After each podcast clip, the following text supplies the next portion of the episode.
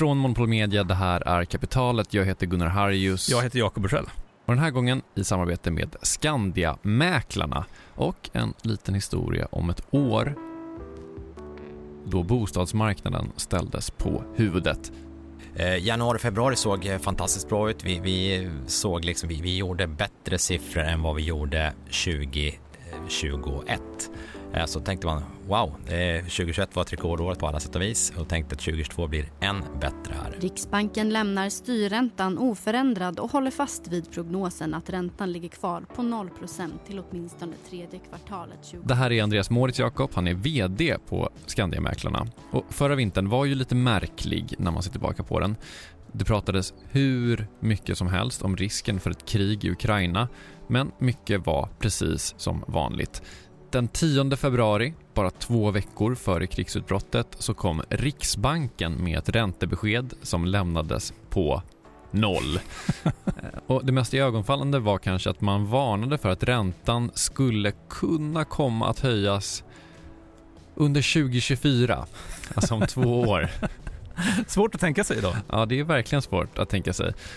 Och, och sen kom kriget. Sen kom kriget. Men utöver det liksom mänskliga elände som det här såklart innebar, och det är ju det viktigaste, jag fattar det, men det var mycket annat som förblev precis som vanligt, eh, i alla fall på bostadsmarknaden. Kvartal två eh, gjordes det fortfarande eh, mycket affärer, det, det såldes fortfarande objekt till rekordpriser, men man märkte att det började, eh, kunderna började bli, ha mer frågor. Eh, det började också bli en andra sorts frågor. Alltså om folk tidigare frågade var ligger närmsta förskola så började man plötsligt fråga när tar kriget slut? Och det är ju, det var inte lätt för någon att svara på och alltså mäklare, de är ju, alltså, ja, de har ju inte mer än någon annan på just den frågan. De kan inte spå i framtiden. Nej, ingen kan ju det. Och allt det här ledde ju till massa osäkerhet och inte minst för köparna. För att folk som ville köpa lägenhet började plötsligt fundera lite extra på föreningens ekonomi, mm. hur klarar de en räntehöjning och så vidare. Och folk som ville köpa hus, de började fundera på hur mycket kommer elen kosta i vinter? Men säljarna, deras största huvudbry, det var ju liksom oförändrat. Hur mycket pengar kan jag få för det jag nu säljer? Och här skedde liksom ett trendbrott under andra kvartalet. Vi såg det hela liksom våren, eh, försommaren, sommaren. Då refererar ju de flesta kunder till att grannen sålde för ett visst pris i slutet på 2021 eller början på 2022. Eh, men då var ju marknaden en annan än vad den var under sommaren 2022 och hösten 2022. Alltså säljarna, de förväntade sig fortfarande ett högt pris, men köparna var osäkra. Bostadsmarknaden har ju under många år varit Alltså, det är väl okej att säga att det varit i någon slags psykostillstånd, eller? Ja, absolut. Det är nog kliniskt bevisat. kliniskt bevisat, exakt. Och det har ju varit väldigt tydligt att det varit säljarnas marknad och otroligt många aggressiva budgivningar. Alltså jag, jag minns själv när jag skulle sälja en lägenhet i Göteborg och det var så här, alltså det på, på riktigt tog det under två minuter så var det så här bzz, bzz, bzz, bzz och så var det så här okej, okay, klart, klart. eh, och för att folk bara är så här, om jag, om jag väntar fem minuter så kan den här lägenheten vara bortom vad jag har råd med. Men nu då, på bara några kvartal så har pendeln svängt och det är plötsligt köparnas marknad. Det är färre bud, budgivningarna tar längre tid, ja, men, alltså, priserna har kommit ner helt enkelt. Men det finns också ett annat väldigt viktigt beteende som har förändrats helt och det är att folk i högre grad säljer först och köper sen. Eh, jag skulle säga att det har svängt eh, både utifrån eh, kunderna själva, från hur bankerna vill ha det och hur marknaden ser ut idag så är det ju de allra flesta, flesta försöker sälja först. För då vet man ändå hur mycket man har, hur mycket man kommer att behöva låna till det nya boendet. Banken till och med vill att man kanske har sålt bostaden i alla fall innan man flyttar in. Så det är också en, en del förändringar där. Så nu skulle jag säga att majoriteten säljer först, köper sen.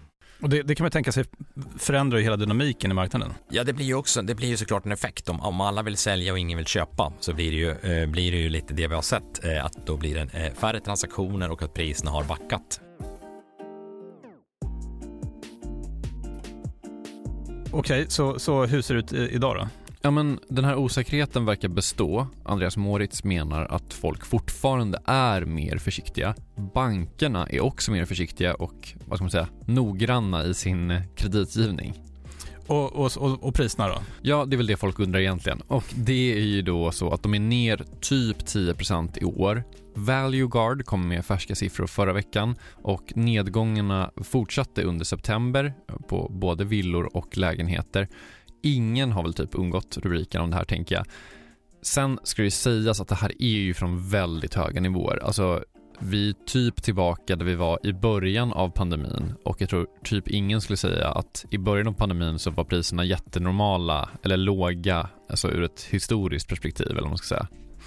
Sen, hörde jag någon säga också att det här kan vara väldigt lokalt. Mm. Typ Skellefteå där man bygger en stor batterifabrik. Ja. Där, där går priserna upp. Ja, så är det verkligen. Eh, och, och medan kanske där det varit lite väl överhettat, jag vet inte, små villor i närförort till Stockholm, Mm. där kanske man har tagit en Mm. lite större smäll då. Mm. Eller jag vet inte, jag gissar här nu. Okej, men, men, men tror han att det kommer fortsätta ner då?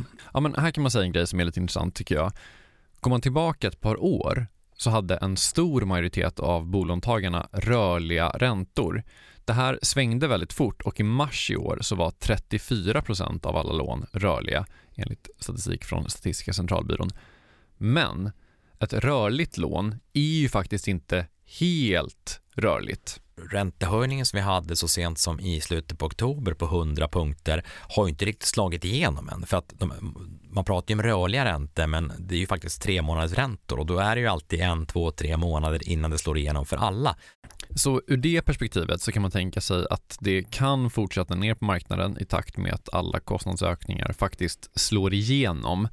Men han tror också att om osäkerheten kring elpris och räntor minskar, och det kan ju hända också, så kommer marknaden också ganska snart att stabiliseras. Men ja, som alltid, det är svårt att veta om saker som har med framtiden att göra. Okej, men hur, hur tycker då en kille som Andreas att man ska bete sig på den här marknaden då? Om man bara antar att alla som ska sälja också ska köpa, så är det väl Mm. för det mesta. Hur ska man tänka kring det här? Ja, men en grej är att väldigt många har köpt in sig i den här marknaden på ganska låga nivåer och därför så kanske man inte ska liksom övertänka de här besluten. Många kommer fortfarande göra bra affärer. Men eh, även Andreas tycker att det kan vara vettigt att ha lite strategier, typ sälja först. Om man, om man är en, en eh, trygghetsmänniska tycker jag absolut man ska sälja först. Som man, som man då, om man vill, man vill sova. Och, och har kanske då, eh, beroende på vilka marginaler man har, har man stora marginaler och har ett, eh, har en, eh, sitter på en obelånad lägenhet eller ett obelånat hus, ja, men då, då är det ju bara ringa till en bank och köpa någonting och så vet man att även om, även om du säljer för, för eh, 8 eller 7 miljoner så kommer det inte, det kommer inte att påverka mig i det stora hela. Eh, där även om det är en stor, väldigt mycket pengar som, då, som, som det diffar på helt enkelt. Ja. Hur, gör folk då med tillträdet? Alltså det, det var ju stressigt förut när du köpte först och var tvungen att sälja på, på liksom tre månader eller vad. Ja. Eh, Men, men nu är det ändå tvärtom, nu måste du ju köpa på några månader och, och, och lyckas du inte med det så typ hamnar du på gatan. Ja men exakt, ja, det, är- det är ju verkligen stressigt. Alltså tydligen så har det blivit mycket, mycket vanligare med långa tillträden. Många använder långa tillträden, det vill säga man säljer nu men man säger att vi, vi tillträdet kommer inte vara förrän om ett halvår, eh, vilket också ofta accepteras i att de som köper kanske också sitter just nu i samma sits, att de också ska sälja och har förstått att det tar väldigt lång tid. Så att framförallt har man löst det via längre eh, tillträden, men det är klart att eh, eh, vissa behöver ha mellanboenden eller hyra i andra hand och så vidare. Sen vad gäller själva försäljningen så är det ju mycket som många känner igen. Kontakta en bra mäklare tidigt, ta bra bilder, styla om man tycker att det behövs. Det behövs kan jag säga. Köp en växt. Köp en växt, rulla ut en matta, hela den grejen. Sen finns det också en väldigt tydlig trend mot att folk lägger ut sina lägenheter på sådana här sajter där de typ inte är till salu men ändå är till salu om någon är intresserad. Alltså någon slags så förmarknad eller vad ska, vad ska man kalla det? Jag, jag tror man säger förmarknad. Ja, Andreas Moritz menar att det här är ett bra sätt att exponera sitt objekt för fler potentiella köpare. Skandiamäklarna har också en sån tjänst, den heter Redo, men framförallt så får man överlag ha ja, lite mer tålamod än tidigare. Jag tycker man, ska räkna med att det, tar från första gången du, du kommer på att ska sälja kontakten en mäklare så måste du räkna med att det kommer att ta ett par, tre månader. Eh, för att om man ska göra också jobbet med att du, du kanske ska styla, du ska, du ska fotografera, det är ju extremt viktigt hur man gör de här hur man, hur man då fotograferar bostaden och hur man presenterar bostaden och hur man marknadsför bostaden. Det är ju det som är grunden i en mäklartjänst.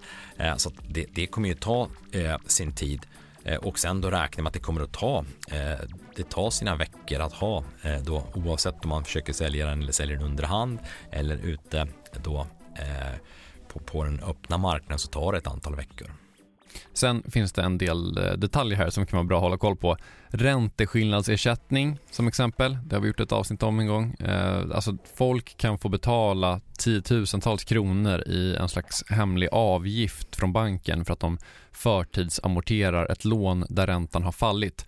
Nu har ju räntorna gått upp men det kan ändå bli så att man får en otrevlig överraskning. Ja, det, där, det, det där var ju väldigt komplicerat. Det finns någon slags buffert där till bankernas fördel. Ja. Na, namnet på avsnittet var ju typ, går räntan ner, förlorar du, går, går räntan upp, vinner banken. Ja, och det är väldigt sant. Det här kanske, det är ju bra att hålla koll på. Och sen på tal om lån då, så finns det en grej som faktiskt många inte känner till, som är att om du har ett lån med bunden ränta, som kanske är ganska låg, många har ju ett sånt lån, då kan man i vissa fall byta säkerhet på lånet. Alltså köpa en ny bostad men behålla samma lån med samma bundna ränta.